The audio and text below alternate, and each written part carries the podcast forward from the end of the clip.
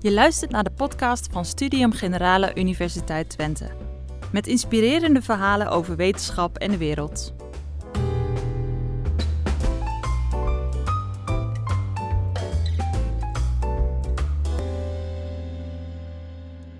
Ik wil graag een heel uh, hartelijk applaus voor uh, Huip Modderkolk. Huip, voor jou.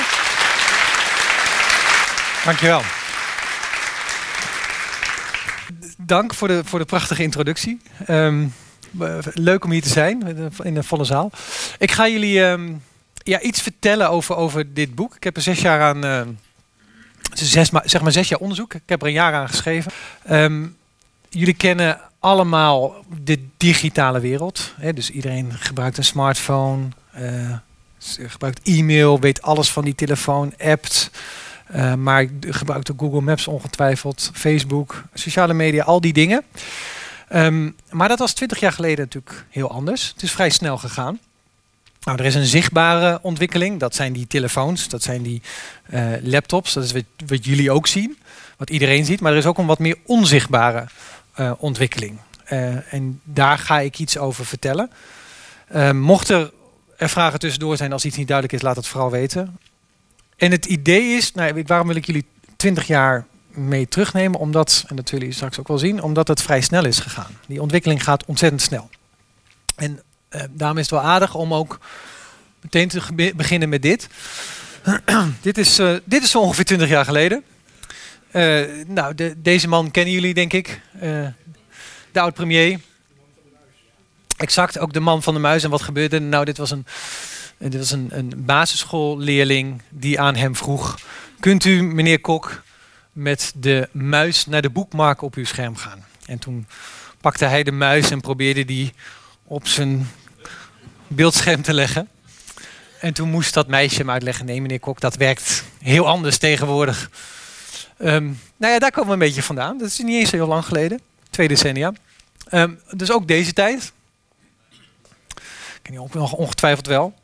Aardig om te vertellen dat bij de, uh, bij de AIVD, de Nederlandse geheime dienst, hè, ik, ik heb mijn onderzoek vooral ook gericht op uh, geheime diensten, want die weten als geen ander gebruik te maken van die digitalisering. Um, en, en ook het in kaart brengen van data, maar ook het opslurpen van data. Uh, komen, zal ik een aantal voorbeelden van, uh, van laten zien. Maar die AIVD was in die tijd, ietsje eerder, 1899, had gewoon nog 16 PC's staan, van die oude grote bakbeesten. En daar werd uh, het internet op bekeken via Alta Vista. Dus men ging gewoon zoeken van ja, is er nog wat te vinden? Nou, dat moest natuurlijk anders. Misschien kennen jullie Ronald Prins, uh, de man van Fox IT, maar later of nu de toezichthouder op de geheime diensten. Die ging in 1998 bij de AIVD werken. Die had toen al een geschiedenis met, uh, met internet, had bij het NFI gewerkt. En die leerde de AIVD eigenlijk van, ja, er is ook zoiets als hacken. Je kunt ook via internet op zoek gaan naar informatie. Nou, die dienst begon dus een langzamerhand een, een verandering. Overigens aardig om te vertellen dat er de, de AIVD had ook een PC uh, van de CIA gekregen.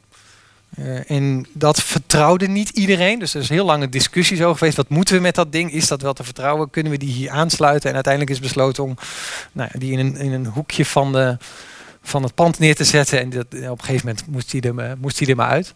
Maar rond 2000 begint de IVD al wel een omslag te maken. Anders dan de MIVD, de Militaire Inlichting en Veiligheidsdienst. Dat heeft ook een hele geschiedenis, daar kom ik zo meteen nog op. Maar de IVD gaat dan ook kijken van ja, als er mensen zijn terroristen misschien zijn, of uh, terrorismeverdachten, die gebruik maken van het internet en wij kunnen niet op andere manieren bij ze komen, ja, kunnen we dan ze misschien via internet bereiken? Kunnen we ze gaan hacken bijvoorbeeld? De eerste internettab wordt bijvoorbeeld in 1998 gezet um, bij een terrorismeverdachte in Zeeland. Um, overigens ook aardig om te melden dat de hackerseenheid, nu beruchte hackerseenheid van de Amerikaanse NSA, ook in 1998 wordt opgericht. Dus dat is het jaar dat er wel wat begint te veranderen.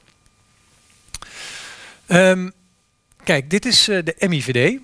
en dit is het satellietpark in, uh, misschien ook wel in Buren. MIVD, die, de Militaire Inlichting en Veiligheidsdienst, die heeft zich altijd toegelegd op het intercepteren van um, hoogfrequent radioverkeer. Dat gebeurt in Eibergen, niet hier, heel ver hier vandaan. Um, maar ook door satellietcommunicatie af te vangen ehm, in het noorden van Nederland. En in 2003 zette de MIVD zich nog in, omdat ze geloofden van ja, dat wordt nog, die satellietcommunicatie, dat blijft nog wel. Uh, op de vernieuwing van dit park in, uh, in Buren. Dat moet overigens nu verplaatst worden vanwege de introductie van 5G, want dat interfereert. Dus nu gaat dit park alsnog naar het buitenland. Je kunt dit een, een strategische blunder noemen van de, van de MIVD, omdat toen al er een beweging was dat veel meer verkeer, eh, internetverkeer, naar kabels ging.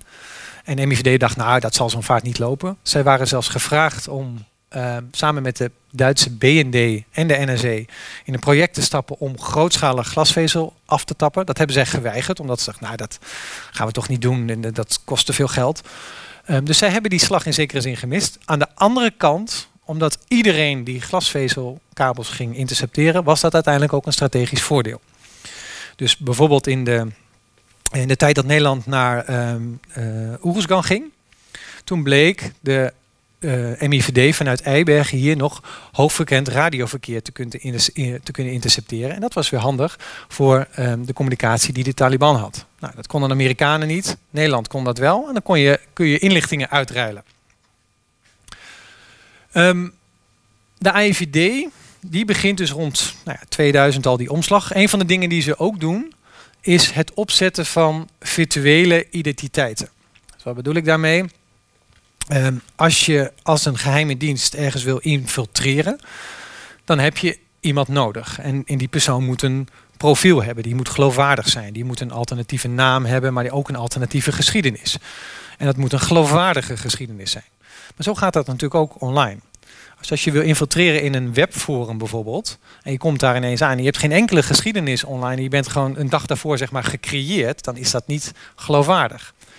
Maar je kan niet altijd bedenken wie je nodig hebt. Dus wat ging de AIVD doen, ook al rond 2000, is allerlei virtuele identiteiten maken. Een Turkse vrouw van 45, een Koerdische vrouw, een Koerdische man, een Duitse man, vrouw, allemaal dat soort mensen, zodat die zeg maar op de plank lagen. Als er eentje nodig was, dan kon je die eraf plukken en dan kon je online uh, infiltreren.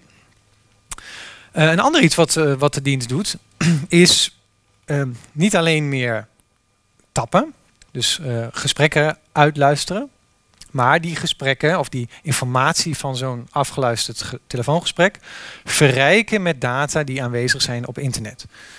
Dus uit allerlei bronnen gaat de dienst, gaat de geheime dienst uh, het internet afschrapen. Dus bijvoorbeeld de Kamer van Koophandel, nou, destijds nog de, ongetwijfeld de Gouden Gids, om te kijken van ja, wat is er nog meer te vinden over mensen? En kunnen we, kunnen we daar verbanden in zien? Dat wordt nu uh, data mining genoemd. Dus heel erg kijken naar verbanden, naar netwerken. Maar daar begint de IVD dus ook rond 2000 al mee. Ik ga je ook iets vertellen, ik kwam net al even aan, uh, aan de orde, over um, dit, over Natanz.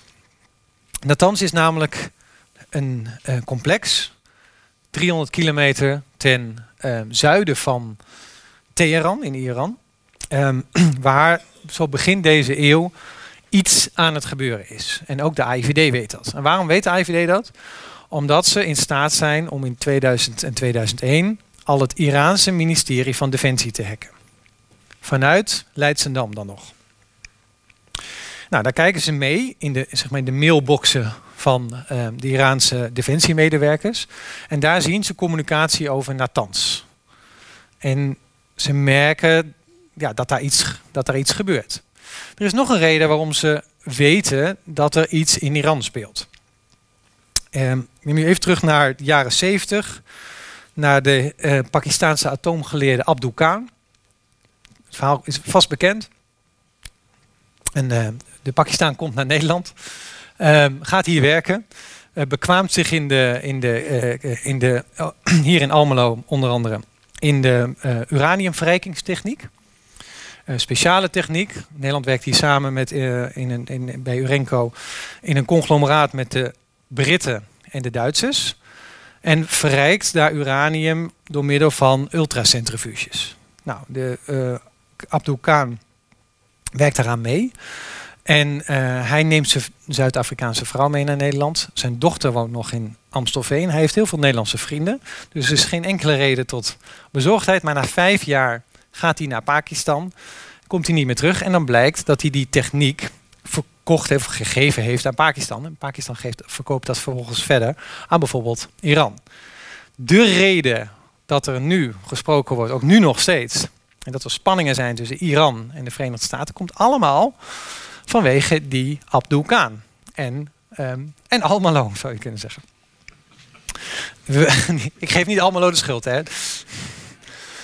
um, maar dus dat heeft een geschiedenis die teruggaat tot de jaren 70 in uh, Nederland. Nou, dat was een schok voor zowel voor de westerse diensten, maar zeker natuurlijk ook voor de Nederlandse geheime dienst. En wat die daarna zijn gaan doen, is het um, toeleveringsnetwerk zeg maar infiltreren. En wat bedoel ik daar nou mee? Als je, voor, uh, als je op die manier uranium wil gaan verrijken, dus middels de ultracentrifugetiechniek, heb je daar spullen voor nodig. Bijvoorbeeld aluminiumbuizen of um, de drukmeters, hoogtedrukmeters. Um, en die zijn niet overal te krijgen. Die zijn zeker niet in het Midden-Oosten te krijgen. Dus die gaan, komen vaak uit het Westen. Bijvoorbeeld uh, aluminiumbuizen uit Engeland. En als je dat netwerk nou heel goed in, of die bedrijven nou heel goed in kaart brengt, of infiltreert, en goed op die bestellingen let, dan weet je welke landen soms bezig zijn met uh, het verrijken van uranium, die die spullen nodig hebben. Nou, dat is een andere indicatie dat de AIVD zo rond 2000 een indruk, of 2001, indruk krijgt van er gebeurt iets daar ten zuiden van Teheran.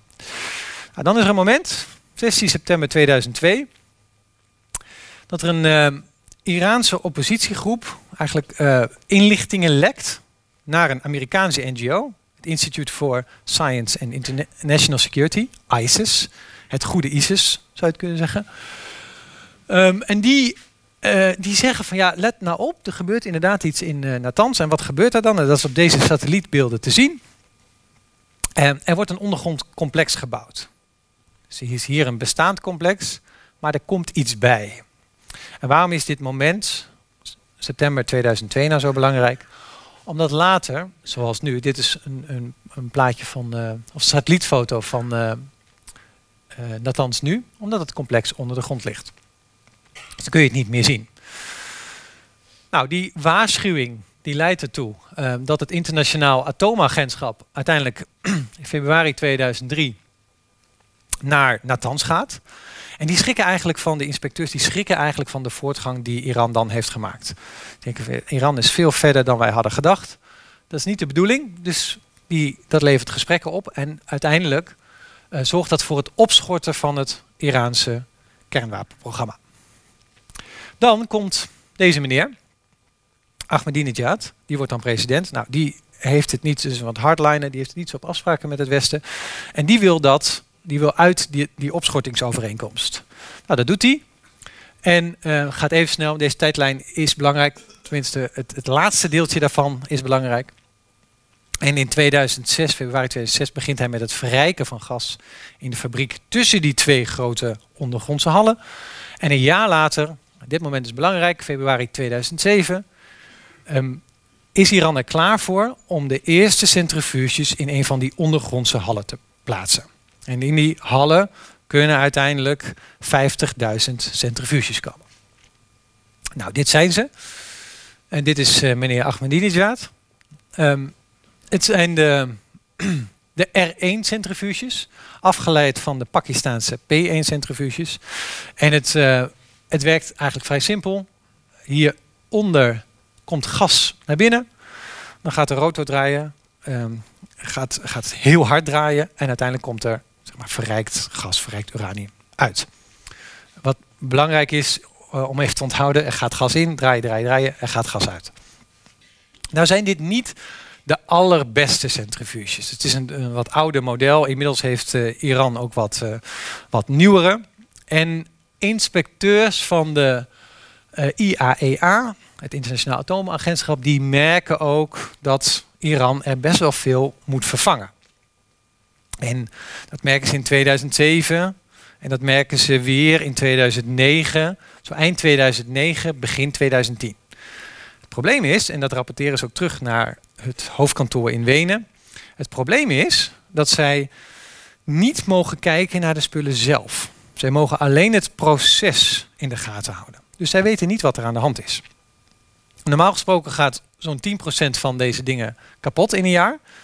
Uh, maar in een paar maanden tijd moet Iran er wel 1500 tot 2000 vervangen. Ze hebben, ze, normaal gesproken zou dat om nou ja, maximaal een paar honderd gaan.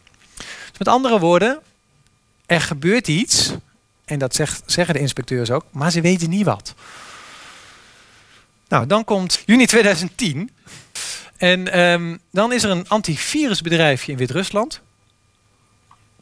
En dat krijgt meldingen van uh, klanten in Iran. Die zeggen, er is iets mis met onze computers. Ze doen het niet goed. We hebben alles eraf gehaald, maar ze blijven zichzelf herstarten.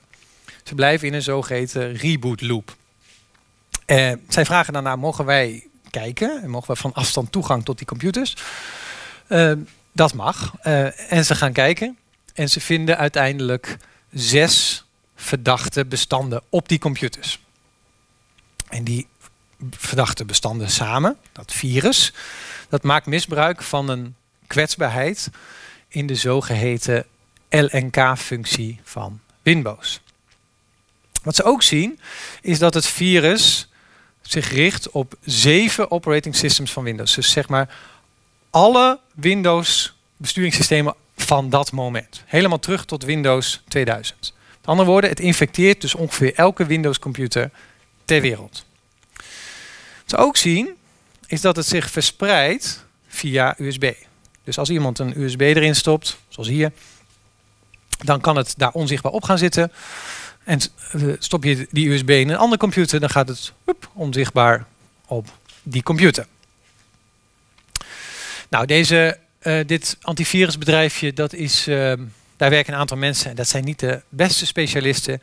Die onderzoeken die code en die komen daar eigenlijk niet uit. Op een gegeven moment publiceren ze het maar van, joh, misschien weet iemand anders wat dit is. Dan heb je uh, de cybersecurity specialisten van Symantec, het Amerikaanse Symantec. Um, die zijn ook redelijk verrast. Die gaan, die, het kost ze vier maanden om het te onderzoeken. Het is geschreven in een taal die zij niet kennen. En na die vier maanden zeggen zij van ja, dit is geen spionage, wat we dachten, wat iedereen dacht. Maar dit is een virus dat iets kapot maakt.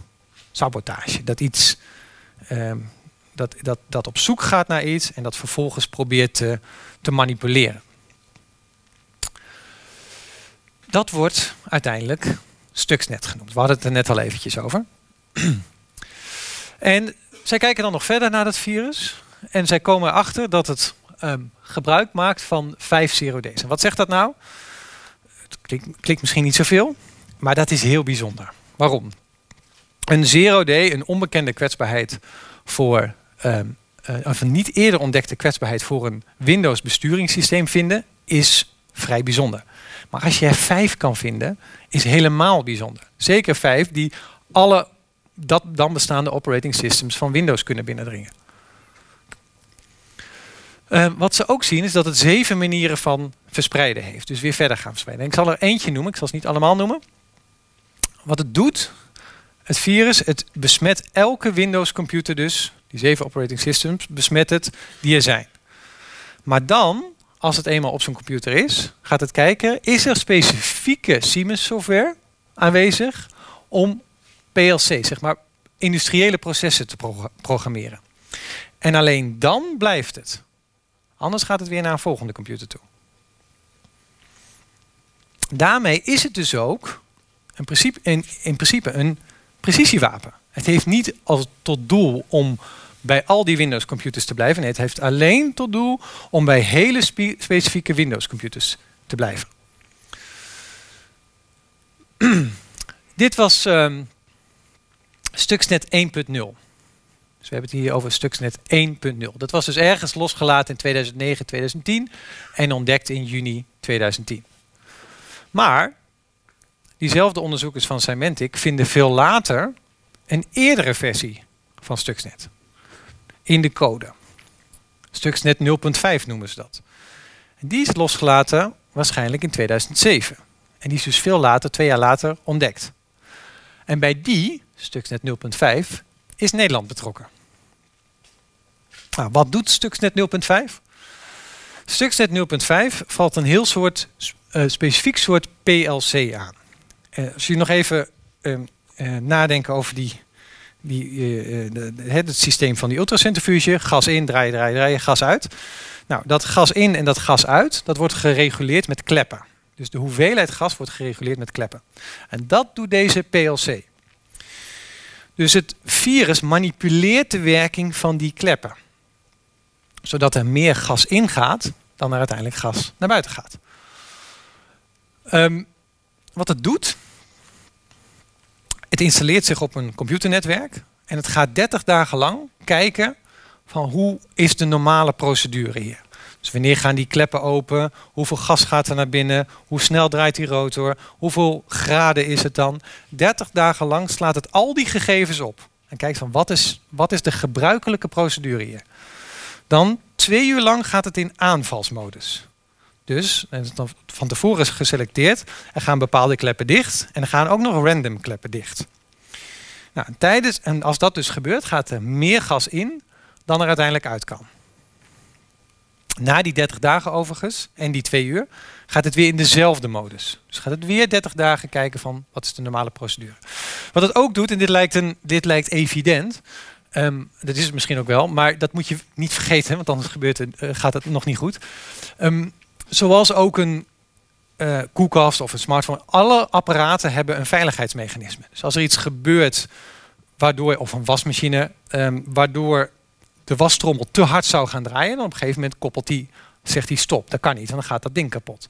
Nou, dat geldt ook voor de ultracentrifuges. Dus de Iraanse technici hebben gezegd, als het binnen deze bandbreedte blijft, is het oké. Als het daar buiten komt, gaan ze kapot. Dat willen we niet hebben, dus dan wordt het afgekoppeld. De Stuxnet zet dat veiligheidsmechanisme uit. Dat is een hele belangrijke werking van ook industriële malware, is om juist die veiligheid, dat veiligheidsmechanisme uit te schakelen. Zodat je iets kan veroorzaken, bijvoorbeeld een explosie, die anders normaal gesproken niet voor kan komen. Kijk, wat gebeurt er nou? Dus die twee uur um, gaat, gaat het virus aanvallen. Dan gaan die, gaat die, gaan die kleppen aan de bovenkant dicht. Er komt meer gas in. Dat gas gaat verdikken. Dat gaat aan die rotor plakken. En doordat het aan de rotor plakt, raakt die rotor uit balans. En uiteindelijk knalt die rotor tegen de zijkant van die ultracentrifuge en knalt die kapot. Ontploft die. Dat geeft een, een hitte en een vuurbal die ook is gezien door overvliegende satellieten. Wat nou het ingenieuze is, is dat terwijl dit gebeurt, geeft um, het virus de data van die 30 dagen aan de computers van de Iraanse technici. Dus die kijken naar hun computers, zien dat er ultracentrifuges ontploffen, maar de data die kloppen. En na die twee uur gaat, begint dat hele circus dus weer opnieuw. Nou ja, de vraag is altijd geweest, hoe kwam dit virus in dat ondergrondse complex? Want dat was een complex zonder verbindingen met de buitenwereld. Dus daar had je iets of iemand voor nodig. Um, dat verhaal begint met een uh, schip in 2003. De AIVD, zoals ik eerder vertelde, was dus, had dus het Iraanse ministerie van Defensie gehackt. En was dus ook dat toeleveringsnetwerk van Abdul Khan binnengedrongen.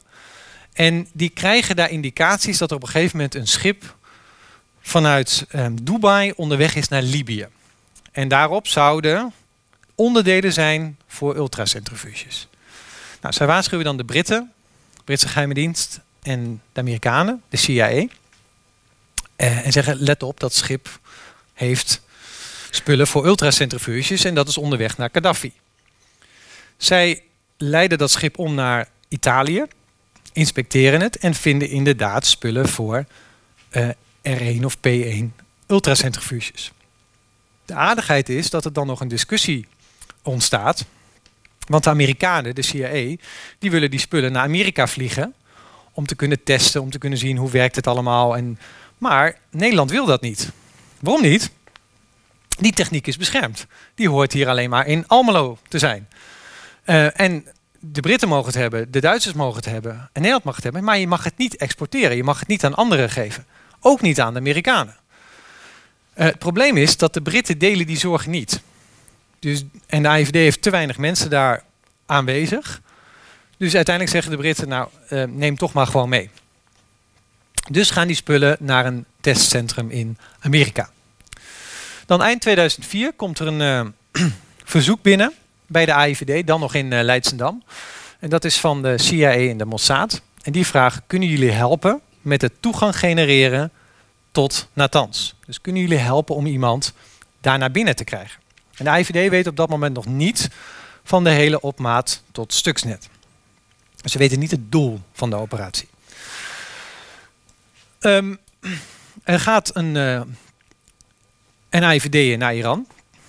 En de vraag is natuurlijk altijd geweest: waarom vragen de Amerikanen en de Israëli's dit aan Nederland? Maar kunnen ze dat dan niet zelf? Nou, een probleem is, tenminste dat zeggen bronnen tegen mij, dat Isra Israëliërs mogen überhaupt niet Iran binnenkomen. Dus ja, dat compliceert een, een operatie daar voor Israël. Dat maakt, dat maakt dat je altijd afhankelijk bent van minimaal één gerund iemand in, uh, in Iran. En die moet dan nog ook zo'n operatie opzetten. Dat is, dat is moeilijk. Amerikanen die vallen op. Uh, en Nederlanders kunnen, zijn reislustig ondernemer, die kunnen wat makkelijker misschien onder de radar opereren. Bovendien zijn de relaties tussen AIVD, CIA en Mossad goed. Dus men vertrouwt elkaar wel voor dit soort operaties. Um, er is dus een um, AIVD'er in Iran. Die zet twee netbedrijven op. Dus dit probeert hij op te zetten. Met als doel om uiteindelijk bij Natanz te komen. Dat zijn um, langdurige en complexe operaties. Want je moet mensen recruteren. Je moet die mensen een geloofwaardig profiel geven. Je moet zo'n bedrijf serieus maken. Je moet de juiste contacten uiteindelijk via dat bedrijf bij de Iraanse overheid hebben. Eén bedrijf dat gaat vrij snel mis. Maar de ander is wel succesvoller. En die komen uiteindelijk, die komt in de buurt van, um, van Natanz. Dat is een door AIVD gerecruiteerde Iraanse ingenieur. En die levert uiteindelijk spullen, is het idee, die nodig zijn bij de installatie van die ultracentrifuges vanaf het voorjaar van 2007. Dus nog even die, die tijdlijn, uh, als we die nog even erbij halen. Februari 2007 wilde Iran weer beginnen met het installeren van de eerste centrifuges. Nou, zo mei, juni gaat deze ingenieur, ingenieur um, naar Natanz toe om daar de spullen te leveren. Iraniërs zijn wantrouwig. Ze willen hem eerst niet toelaten. Uh, Israël gebruikt dan een van zijn bronnen daar in Iran om toch voor de geloofwaardigheid van deze persoon in te staan. En het lukt om aanwezig te zijn als Iran in Natanz de eerste centrifuges gaat installeren. Het doel is niet meteen om het dan kapot te maken, maar eerst om informatie te verzamelen. En waarom? Hoe zit dat? Um, als je zo'n complex virus maakt, dan moet je weten dat het goed werkt. Maar om het goed te laten werken, moet je de juiste configuraties gebruiken. En wat bedoel ik daarmee? Ze moeten weten, dus de Amerikanen en de Israëli's weten, ook dankzij de hulp van, van bijvoorbeeld Siemens of de Duitse geheime dienst, maar ook eh, kennis van de Nederlanders, weten hoe die apparatuur precies werkt. Weten hoe die Siemens PLC's precies werken. Alleen ze weten niet wat, welke, hoe Iran het precies heeft aangelegd en welke configuraties Iran gebruikt. Als je bijvoorbeeld uh, malware schrijft, kwaadaardige software voor een iPhone, en je wilt dat op die iPhone loslaten, of je wilt het bijvoorbeeld op mijn iPhone loslaten, dan is het handig als je weet welke versie van het besturingssysteem ik heb. Ja, ik heb een iPhone, maar werkt het net zo goed bij versie zeg maar 11.0 als bij 13.1? Heb ik altijd mijn Bluetooth aanstaan of mijn wifi, dan kan het misschien makkelijker werken. Nou, dat soort informatie gaat deze um, ingenieur verzamelen. Daarvoor gaat hij verschillende keren naar binnen in Natanz. Soms een, om de paar weken, soms een maand niet. En uiteindelijk in de zomer van 2007 heeft hij genoeg informatie verzameld. Is het virus genoeg geüpdate om het daar naar binnen te brengen middels een besmette USB-stick en om het daar los te laten. Dat werkt. Ik zei inderdaad drie jaar vertraging. Uh, de schatting is minimaal anderhalf jaar vertraging. De inspecteurs van het uh, uh, internationaal atoomagentschap die zeiden aan het eind van het jaar dat Iran had een hoeveelheid gas om 125 kilogram verrijkt uranium te maken. En ze slaagden er maar in om 75 kilogram te maken. Met andere woorden, ze waren gas aan het verspillen. En dat is kostbaar gas. Dit was de verklaring. Uh, we zijn nu dus 2007. Dit is dan al mogelijk, 13 jaar geleden. 2008, 9. Dan gaat het internetgebruik veranderen. Waarom? Uh, dit, dit is een plaatje wat, wat uh, volgens mij veelzeggend is. Hier verschijnt de eerste iPhone, 2007.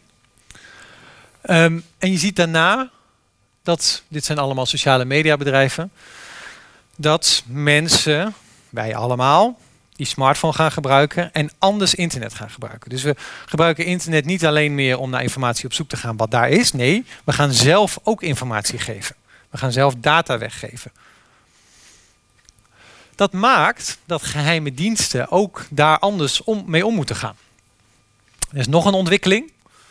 Telecombedrijven gaan VPN-verbindingen gebruiken. Dus die gaan hun data um, versleuteld, zeg maar eventjes, over het internet sturen. Wat het voor geheime diensten moeilijker maakt om als ze um, internetverkeer aftappen, om meteen de inhoud daarvan te zien.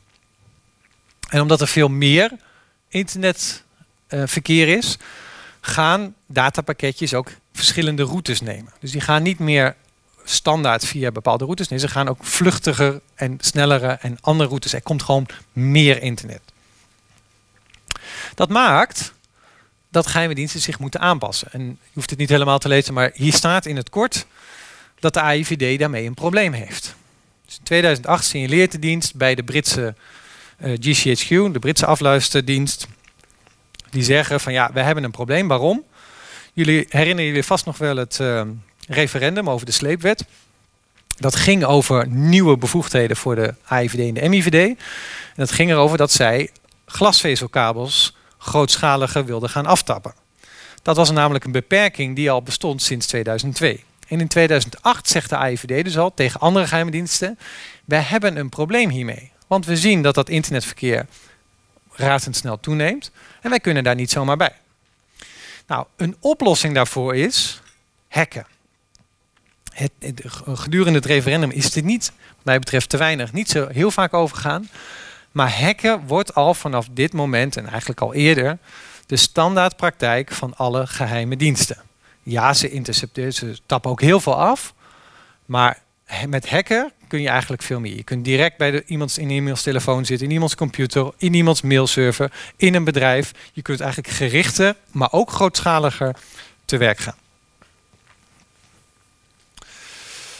Dit is een uh, presentatie uh, van uh, het hoofd van een afdeling binnen GCHQ, de Britse geheime dienst.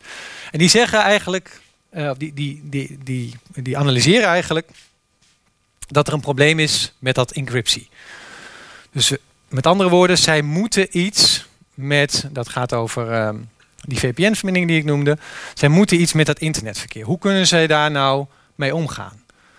Dit is in 2009, uh, 2007 al. Nou, wat de Amerikanen en de Britten gaan doen. De Israëli's hebben daar een andere methode voor. Die leveren, die zijn al eigenlijk vanaf de jaren, eind jaren 90, um, zijn die af, aftapsystemen gaan maken voor heel veel landen. Ze hebben eh, heel veel grote uh, bedrijven die dat leveren. Verschillende bedrijven die dat leveren die de tapsoftware leveren voor politiediensten en geheime diensten. Waardoor ze altijd bij de bron van de informatie zitten. Nou, er is een andere uh, manier om ook bij de bron van informatie te zitten. En dat is als je een, bijvoorbeeld een telecomprovider hackt. Dus als je daar zit en die telecomprovider die levert ook nog voor heel veel andere telecomproviders diensten. En dat is toevallig Bix in België. Die levert namelijk de roamingdiensten voor ongeveer een, nou, een paar honderd, ik dacht 500 mobiele providers. Dan hoef je niet al die verschillende telecombedrijven te hacken. Dan hoef je er maar eentje te hacken. Dan zit je direct bij de bron. Wat bedoel ik daar nou? Als je hier in Nederland belt met T-Mobile, KPN, Vodafone en je gaat naar Duitsland, dan regelt een roaming provider dat verkeer. Dus die zorgt van, hey, je, je gaat nu even bellen via T-Mobile Duitsland. Dat zien wij. Wij brengen dat in kaart. Wij zorgen voor de verbinding. En we doen ook de facturatie. Nou, dat, dat soort dingen, dat doet Bix. En hier zien jullie kaart van Bix. Uit een interne presentatie van de Britse geheime dienst.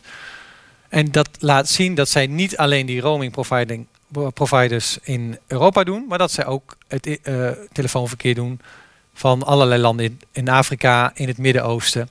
Met andere woorden, als je bij BIX binnen bent, heb je in één keer toegang tot de hele wereld. Ze gaan dus een plan bedenken om BIX binnen te komen. Ik laat jullie hier iets van zien, omdat dat ook weer, we hebben het over tien jaar geleden, laat zien hoe die geheime diensten proberen bij dit soort bedrijven binnen te komen. Het eerste wat de Britten um, en de Canadezen en de Amerikanen doen, is dit programma bekijken. Het heet Nocturnal Search. En wat doet het? Het brengt in kaart, dat kan geautomatiseerd, ik zeg het er maar bij. Het brengt in kaart ehm, wie er is binnen zo'n bedrijf, of binnen wat, voor bedrijf dan ook, is aangesloten op het Network Operation Center. En de mensen die daar namelijk verbindingen naar dat zo'n Network Operation Center hebben, dat zijn vaak de systeembeheerders.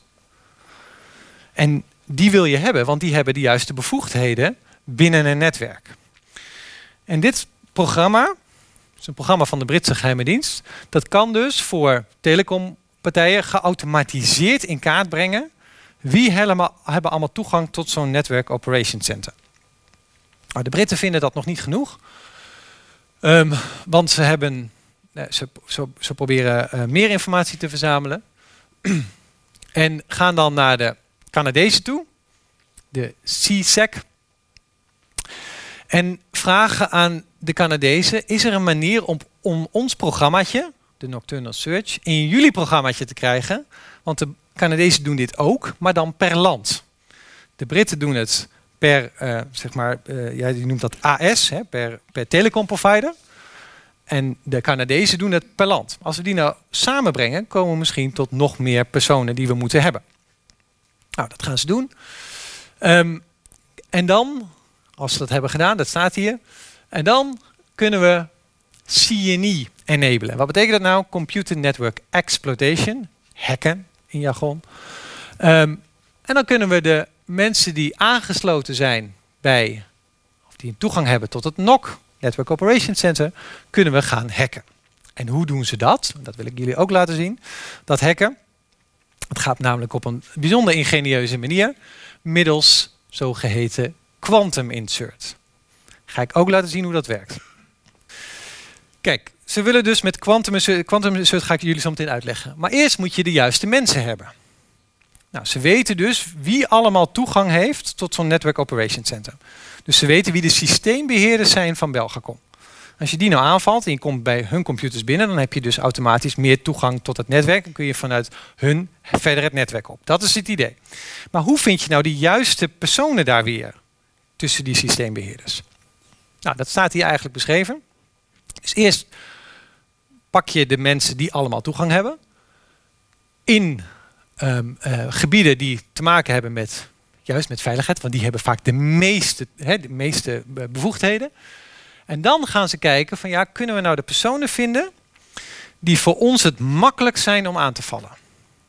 En een manier die zij gebruiken uiteindelijk om aan te vallen is middels een, dat is Quantum Insert, maar middels een valse LinkedIn pagina. Dus ze zoeken naar mensen die onder andere LinkedIn gebruiken. Hoe vinden ze die nou? Dit vond ik ook fascinerend. De Britten die tappen bij hun eiland uh, dat, is, dat is namelijk makkelijk, er komen grote transatlantische kabels. Uh, tappen daar heel veel af. En dat, dat afgetapte internetverkeer kun je automatisch filteren. En wat zij onder andere doen, is dat zij cookies, dus al die kleine bestandjes, elke keer als jullie klikken op oké, ik wil de cookies accepteren, oké, oké, oké, en die blijven soms vijf jaar staan, soms negen jaar staan, in sommige gevallen vijftien jaar staan. Ik bezocht laatst, uh, dat moet je voor de gein eens doen. Ik bezocht laatst, uh, nou, niet dat je naar die site moet gaan, maar voor de gein eens verder kijken. Uh, de Daily Mail. En daar staat ook, hè, we value your privacy. Daar begint het altijd mee. En um, dan moet je op oké drukken. Nou, dat, dat doet iedereen uiteraard. Maar je kunt daar klikken op hè, wie zijn dan onze partners? Dat staat er dan bij. Dus met andere woorden, met wie delen zij volgens die informatie? Nou, het is, ik heb, dit is geen grap. Als je die lijst kijkt en gewoon scrolt, ben je drie minuten bezig met scrollen om dus die hele lijst van hun partners te zien. Trusted partners noemen ze die. Ik denk dat ze geen idee hebben wie al die partijen zijn. Die geef je dus, en als daarachter staat, hoe lang die vervolgens die informatie verzamelen van jou. Dus zo'n cookie is een heel klein bestandje die je op dat moment op je computer laat zetten. Die registreert wat doe je allemaal online. Wie ben je, waar ben je geïnteresseerd, uh, wat koop je, al die dingen. En dat maakt een, probeert een profiel van jou te maken. Nou, de Britten, Britse geheime dienst, slaat dat soort voorbijgaande cookies, bestandjes op. En kan daar dus in zoeken van nou, geef mij eens van deze Belgacom medewerkers, waar ze een naam ongetwijfeld inmiddels van hebben, of een Gmail-adres of wat dan ook. Geef mij even het profiel. Dus wat voor LinkedIn uh, gebruiken ze? Uh, wat, zijn, wat voor versie van hun browser hebben ze? Wat voor browser gebruiken ze eigenlijk? Dat kunnen ze er allemaal uithalen. Nou, dan hebben ze de juiste uh, persoon. Dat zijn twee Belgen en een Venezolaan. Ik zal hun namen hier niet noemen. Um, en dan gaan ze dus quantum insert doen. En hoe werkt dat? Dat is ook fantastisch. Tenminste, niet als je het slachtoffer bent. Um, dit is dus zeg maar het Network Operations Center. Daar willen ze uiteindelijk naar binnen komen. Dit is het internet. En dit is gewoon een webserver. Dus je gaat via het internet zeg maar, ergens naartoe. Dit, dit kan bijvoorbeeld Google zijn. Ik probeer het zo simpel mogelijk uit te leggen. Als iemand vragen heeft, stel vooral vragen. Op het moment dat één van die drie, dus een Venezolaan of de twee Belgen, naar welke site dan ook, maar dit is uiteindelijk LinkedIn, um, op internet gaat, gaat er een meldingje, ploep, hier zo. Dit laat ik zo meteen zien, want anders wordt het te verwarrend. Dit is namelijk een systeem van de Amerikanen, Amerikaanse NSA. Die hebben van tevoren gezegd, en dat, zij hebben overal in de wereld selectors. Dit, programma heet uh, Turmoil. Um, die zeg maar aan, aan uh, passieve um, surveillance doen. Dus dan kun je gewoon een opdrachtje in, ingooien van, nou, geef mij een meldingje als dat IP-adres dus naar LinkedIn gaat. dan krijgen zij een meldingje. Wat gebeurt dus nu? Op dat moment, als zij een meldingje krijgen, is er een ander systeem, Turbine, die zendt heel snel, ploep, een valse, dus die komt een verzoek naar een uh, LinkedIn-pagina. Zij zijn de, dat is al van tevoren geselecteerd. Heel snel, ploep, een valse LinkedIn-pagina terug. Dat is zo goed nagemaakt dat die mensen dat niet zien. Daar zit een implant in. Uh, die komt sneller terug dan deze. Die ketst af, want die denkt, hé, hey, er is al iets. Ik hoef hier niet meer te zijn. Dan, um, heb, dan staat de persoon vanwege de implant in rechtstreeks contact met de Amerikaanse NSA. Hij heeft geen idee, hij denkt gewoon dat hij naar LinkedIn gaat nog steeds. Het maakt ook niet uit, dat is de grap, wat je vervolgens invult. Je hoeft je echte gebruikersnaam of ze hebben dat wachtwoord of die gebruikersnaam allemaal niet nodig. Wat ook laat zien dat bijvoorbeeld tweestrapverificatie, als je op deze manier wordt aangevallen, geen enkele zin heeft. Want je bent nu al besmet. En dan sturen de hackers van de NSA, ploep, je exploit en dan zijn ze binnen. En vervolgens kun je rustig communiceren. Heb je niet door dat je inmiddels dat de Britse geheime dienst hebt binnengehaald. Of, en de Amerikanen. Nou, dit, is, dit was trouwens de, de, dus de, de aanval op, uh, op Belgicom. Om e-, even een idee te krijgen, we zitten dus nu ongeveer in 2011. De, de, de voorbereiding voor deze hack begon in 2008, 2009. Ehm, de aanval zelf begon eind 2010. Het is succesvol, dat zal ik zo meteen nog laten zien in 2011. Ehm, op dat moment heeft de Amerikaanse uh, uh, hack-eenheid, de TAO, al toegang tot meer dan 50.000 computersystemen wereldwijd. En dat zijn er inmiddels minimaal 2 miljoen.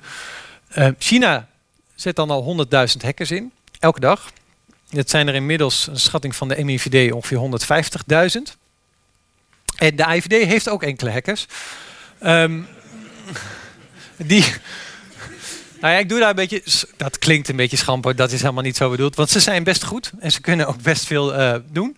Um, het zijn er zo rond. De schatting is dat het er rond 2014 een handvol is ongeveer. Inmiddels is dat aantal wel vertienvoudigd. Er zijn er ongeveer 50. Ehm, en die halen ehm, onder andere dan webfora leeg. En, en trekken dan de gegevens van alle mensen um, naar zich toe. Om daarin te gaan zoeken van kunnen we interessante verbanden ontdekken. Kunnen we ook ontdekken wie die mensen zijn. Want mensen gebruiken daar niet altijd hun echte naam. De reden hiervoor is natuurlijk, en dat is ook de reden Ehm, waarom dat hacken steeds populairder wordt, is ehm, omdat het anoniem kan. je laat geen vlaggetje achter. Je zegt niet uh, ik ben het geweest. Je gebruikt, ehm, eh, je gaat via servers in verschillende landen. Uh, de afstand die wordt verkleind. Je hoeft niet meer als Chinese spion helemaal naar ASML toe te vliegen. Om vervolgens te gaan kijken, kan ik hier naar binnen lopen? Nee, je kan dat gewoon vanuit China zelf doen. En het is relatief goedkoop. Onder meer omdat je dus die uh, hele fysieke sprong niet meer hoeft te maken. Nou, we waren nog bij Welkom. Dit is um, ook intern van de, van, de, uh, van de Britse geheime dienst. Hier, um, hier hebben ze dus zicht op de, um, uh, de, de, de twee Belgen en de Venezolaan en proberen ze die aan te vallen. Zo ziet dat er intern uit. Is dat nou succesvol? Ja, zeker. Hoewel ze het zelf nog steeds ontkennen. Following the successful Minoc Operation Socialist to provide CNE access to the Belgacom GRX operator. Nou, en dan gaan ze hè, verder werken en dan uh, blijkt dat ze nog verder in het systeem kunnen komen. En wat willen ze nou uiteindelijk? Um, en dat staat hier op het eind. Can be used to conduct man-in-the-middle operations against mobile handsets that are roaming. Wat betekent dat nou? dat zij kunnen zeggen van nou, als iemand nou inderdaad aan het roam is, als, als dat telefoonnummer aan het roam is, dus met andere woorden, als die belt of dataverkeer gebruikt, zend ons dan een kopie ervan. Zij zitten er tussenin. Uh, en dan weten wij ook wat die, uh, wat die persoon aan het doen is. Dit werd uiteindelijk ontdekt. En hoe werd dat ontdekt? Dat werd ontdekt in, in Belgacom. Nou, eerst, uh, het begon dus eind 2010, begin 2011. Zo in de zomer van 2012 zijn er wat problemen met een mailserver bij Belgacom. En die worden niet echt opgelost. Um, en in de zomer van 2013 komt er een Microsoft-update en zijn er nog meer problemen. Zo erg dat de mailtjes niet aankomen of met ernstige vertraging, dus pas dagen later. Dus Belgacom, mensen kijken daarna, kunnen we iets zien aan die Microsoft server? Nee, daar kunnen ze niks aan zien. Um, dan vragen ze Microsoft zelf nog, die gaat het ook onderzoeken. Die zegt, ja, alles ziet er goed uit. En dan uiteindelijk belt de CFO Ronald Prins. En die zit dan met zijn familie in Spa. En die zegt, ik wil best langskomen, maar ik vind het erg als ik in korte broek kom. Um, die, gaat, eh, die, die zet zijn team erop. En die gaan ook onderzoek doen. En die vinden uiteindelijk op die mailserver een bestandje, of Microsoft software, dat zich gedraagt als Microsoft, dat er ook uitziet als Microsoft, maar dat uiteindelijk niet van Microsoft blijkt te zijn. Met andere woorden, dat is een bestandje dat iets moet maskeren. Nou, zij gaan dat verder uitlopen, kost een paar weken. Um, en dan komen ze erachter van jullie hebben te maken met een hele geavanceerde aanvallen. Nou, dat is het moment dat ook de, eh, de Belgische geheime dienst, de Belgische militaire diensten allemaal bijkomen. En dan begint eigenlijk het grote onderzoek naar, um, naar deze infiltratie. Um, wat vinden ze dan? nou, 120 is niet eens zo heel veel hoor. Belgicom heeft duizenden IT-systemen. 120 systemen zijn, uh, IT-systemen zijn besmet, waaronder 70 PC's. Maar wat vooral hun uh, aandacht krijgt, is uh, de malware zelf. Die is zo bijzonder en eigenlijk zo goed dat ze er allemaal met grote verbazing naar kijken. En wat betekent dat? Het, het kan zich bewegen door de systemen van, uh, van Belgacom. Het kan zich op computers installeren die offline zijn en dan wachten tot de computers weer aangaan. Het kan zichzelf um, wissen. Het, het kan bijna alles. Het kan screenshots maken. Wat het ook doet is um, uh, die, die, die man in de middeloperatie, zeg maar, dus die, het, die opdracht als die gegeven is, dan verzamelt het dus data. En dat blijft in Belgacom zitten. Bijvoorbeeld als dat in de nacht gebeurt. En tijdens kantooruren gaat het in hele kleine zipbestandjes hup, naar bijvoorbeeld India toe. En vanuit India wordt het dan waarschijnlijk weer doorgestuurd. En waarom nou in hele kleine bestandjes? Zodat dat niet echt op, opvalt in de normale gang van zaken bij Belgacom. Wat ze ook zien, ehm, is dat er een core en dat is zo'n nou ja, zeg maar zo'n grote, waar heel veel um, discussie over is hè, bij, bij, over de Huawei. Um, in, in, in, in die grote netwerken van ons allemaal, die telefoonnetwerken, zitten hele grote, belangrijke, ingewikkelde machines. Routers, core-routers. En wat doen die? Die handelen onze datapakketjes af. Dus als wij, als iemand hier een berichtje stuurt naar iemand, hè, dus ik stuur naar u bijvoorbeeld meneer, een berichtje, dan gaat dat berichtje niet hier zo door de lucht naar deze meneer toe, maar dan gaat het uiteindelijk door een, telecomnetwerk. En die routers die weten, ah, het komt hier aan, het is zo groot, die registreren dat allemaal en het moet uiteindelijk daar naartoe. Het zijn dus hele ingewikkelde um, uh, en, en kostbare machines. Maar je wilt ook dat die niet besmet kunnen raken. Nou, wat vindt uh, Fox IT nou? Dat die router van Cisco wel degelijk besmet is door de Britten en Amerikanen. De vraag is, hoe kan dat? Is dat al gebeurd voordat het in België kwam? Is dat gebeurd op afstand? En als dat kan, ja, dan lijkt me dat niet goed nieuws. Um, zij willen dat onderzoeken, maar dat mag niet. Dat wil Cisco liever zelf doen. Nederlands moeten ook wegwezen dan. En Cisco onderzoekt het uiteindelijk. Um, en dan komt er een hele grote schoonmaak. En dan worden alle malware er weer afgehaald. Maar Fox IT heeft dan nog sensoren in het netwerk zitten. En nadat deze hele schoonmaak is geweest, zien zij toch weer pakketjes. En die gaan ook weer langs de Cisco-router. Nou, dan moeten ze hun spullen pakken en wegwezen. Deze wil ik nog even aan jullie uh, laten zien. Uh, dit is ook een, uit een interne presentatie van GCHQ. En dit laat zien waarom het ontdekken van een hack, maar ook het vinden van de echte daders nou zo ontzettend ingewikkeld is. Um, omdat geheime diensten gebruiken allerlei trucjes, uh, COVID infrastructure, dus um, gemas, gemaskeerde infrastructuur, um, om ervoor te zorgen dat je niet weet waar zij uiteindelijk vandaan komen. Dus in het geval van Belgacom, er werd vijf jaar onderzoek gedaan. Deze hele hack staat, zoals jullie kunnen zien, beschreven in de slides van Edward Snowden. En toch konden de Belgische onderzoekers niet bewijzen dat Groot-Brittannië erachter zat. Alle indicaties waren ervoor, maar ze konden het uiteindelijk niet bewijzen. Bijvoorbeeld die server in India, waar de pakketjes naartoe gingen, toen ze daar gingen kijken, bleek het een gameserver te zijn. En toen ze die data opvroegen, duurde het twee jaar voordat India iets leverde. En toen kwamen ze met, ja, dat was een, iemand die, uh, die die server heeft gehuurd. En toen ze daar weer achteraan gingen, toen kregen ze uiteindelijk een adres bijvoorbeeld in Duitsland. En toen ze daar kwamen, bleek dat hele adres niet te bestaan. Nou, zo hadden de Britten het allemaal opgezet. Daarom zei een Belgische politieonderzoeker na vijf jaar onderzoek ook tegen mij. We wilden, we wilden het wel bestrijden, maar we konden het eigenlijk helemaal niet. Uh, eind 2015, om ook te laten zien hoe snel die ontwikkeling gaat. Eind 2015 is er een, een man in het westen van Oekraïne. En die werkt bij een energieleverancier, of energiepartij. En die wil naar huis gaan, die pakt zijn jas, loopt naar zijn computer, wil hem uitzetten en ziet dat de cursor op zijn scherm aan het bewegen is. En hij pakt dan zijn muis en nou, probeert zo die cursor te bewegen, maar die reageert daar niet op. En dan ziet hij dat die cursor een scherm openklikt waar de besturing in staat van elektriciteitsstations. En je ziet dan dat hij klikt op uitschakelen. Die man die, die is van hopen aan zijn muis aan het, uh, aan het slaan bijna. Maar er gebeurt niks. En dan wordt hij uitgelogd. En als hij opnieuw inloggen, ziet hij dat zijn wachtwoord is veranderd. De aanvallers die schakelen 60 van dit soort elektriciteitsstations uit. Eén voor één. En het is 23 december. Het is koud. Mensen uh, hebben geen stroom, maar ook geen, uh, geen water. En zitten dus in het donker. In, midden in de winter.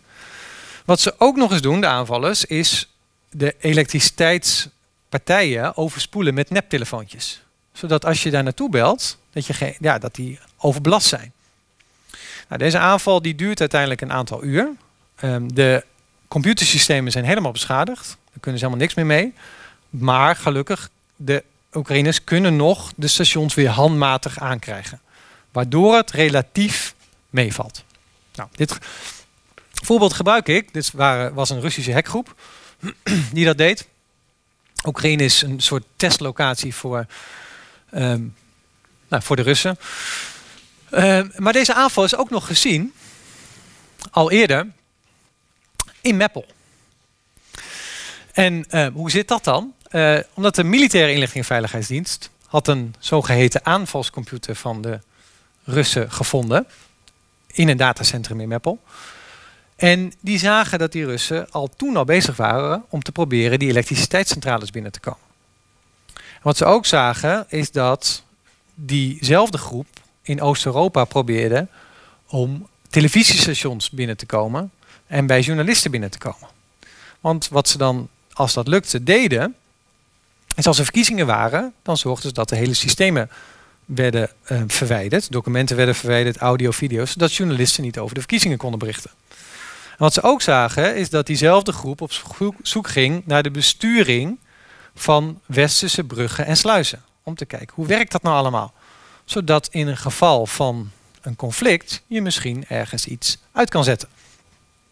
Nou dit leidt uiteindelijk tot een waarschuwing aan premier Rutte en een vraag om 340 miljoen euro extra um, van de IVD en de MIVD. Dat krijgen ze overigens niet.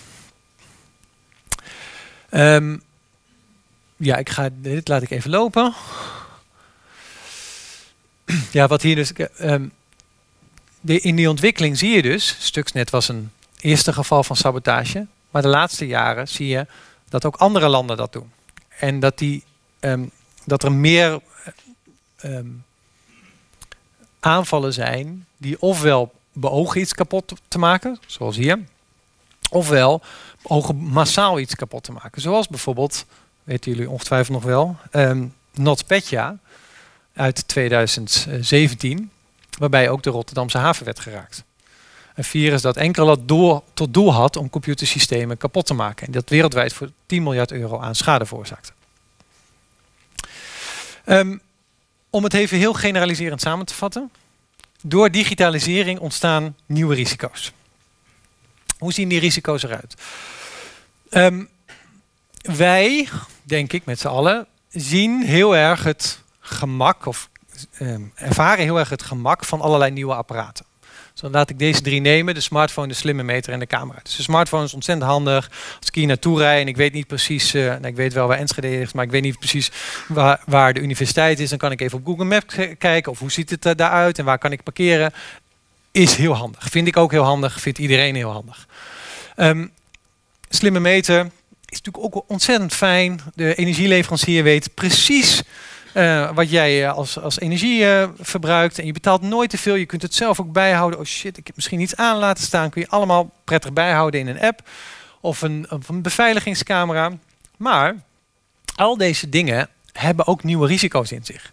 En het lijkt erop alsof we niet zo goed in staat zijn om te bedenken wat die risico's zijn.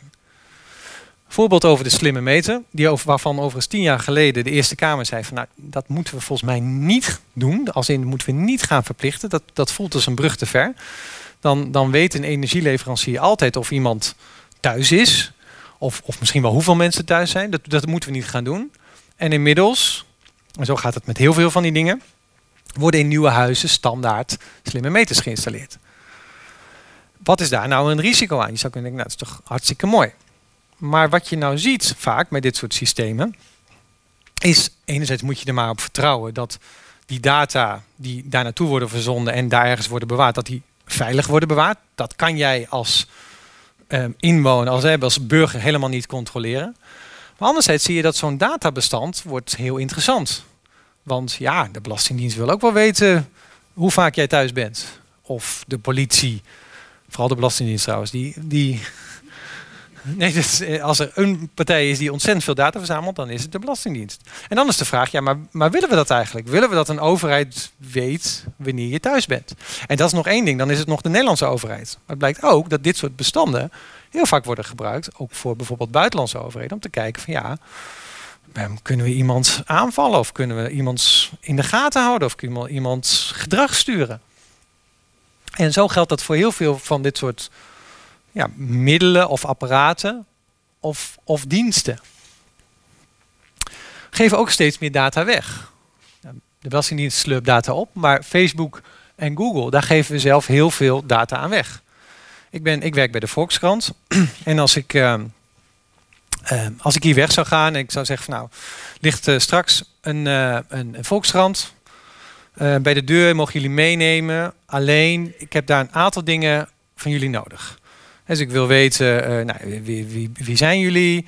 Uh, dus nou, even de meest basale persoonsgegevens, maar ook wie zijn je vrienden, uh, je familieleden. Uh, doe ook maar wat foto's van, van je gezin, van de buren, wat je interesse, je hobby's. Op een gegeven moment zou je zeggen van ja, hou, hou op man. Alleen die gegevens geven we wel aan Facebook. En dat is een Amerikaans bedrijf, Amerikaans advertentiebedrijf. En dat Amerikaanse advertentiebedrijf doet ook echt iets met die data.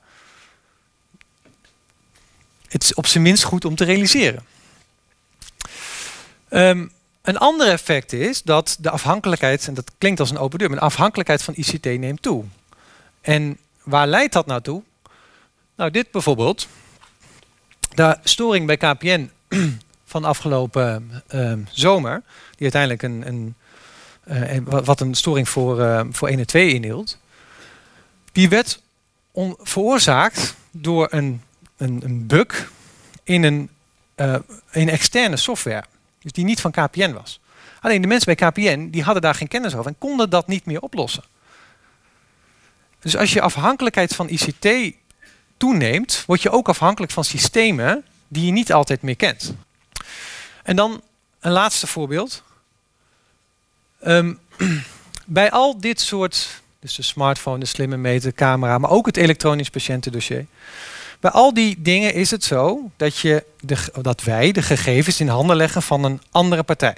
En die andere partij, denk nog even aan de Daily Mail met We Value Your Privacy.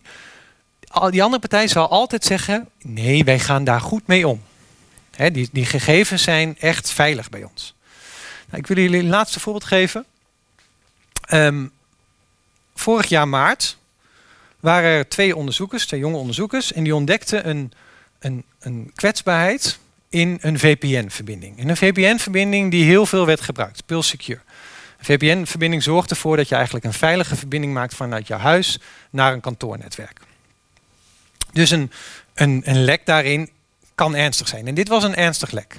Je had niet eens echt, echt hele specialistische kennis nodig moeten hebben om daar misbruik van te maken. Je kon zo eigenlijk meekijken eh, met, met de VPN-sessie. Nou, dit werd in maart ontdekt. En een maand later had Pulse Secure dit lek gedicht. Alleen alle aangesloten bedrijven, dus alle bedrijven die Pulse Secure gebruiken, die moesten wel de update uitvoeren, zodat het lek ook daadwerkelijk gedicht was. Dus dit was in april. In mei kreeg je in juni en juli waarschuwde Pulsecure opnieuw alle aangesloten bedrijven met middels een mailtje van let op, we zijn nu vier maanden verder. Dit lek is dus bekend. Er zijn spionagegroepen die er misbruik van gaan maken. Je hoeft alleen maar de update uit te voeren, dan is het oké. Toen kwam uh, augustus en die onderzoekers presenteerden hun lek en hun bevindingen op een congres, op een hackerscongres in de Verenigde Staten. En ze lieten zien hoe je daar misbruik van kan maken. Het Nederlandse Cybersecurity Center gaf toen de hoogste waarschuwing. let op, dit, van dit lek kan misbruik gemaakt worden. Dus het risico op misbruik is hoog.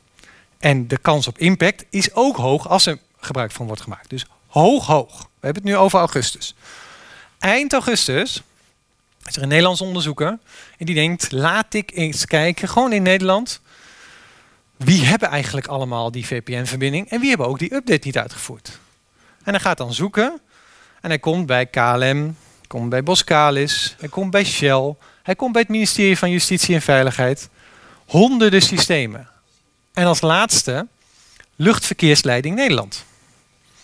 Daar stond het nog gewoon open. Dat zijn allemaal bedrijven die tot nou ja, zeg maar, dit, bijna de kritieke infrastructuur van Nederland horen. Waarvan je mag verwachten dat die hun, zeker hun digitale beveiliging heel goed op orde hebben. En bij al die bedrijven was het niet gelukt om deze simpele update, die al meer dan een half jaar inmiddels beschikbaar was, niet uit te voeren. Bij Luchtverkeersleiding Nederland is het overigens meteen het hele systeem offline gehaald door het NCC. Um, tot zover.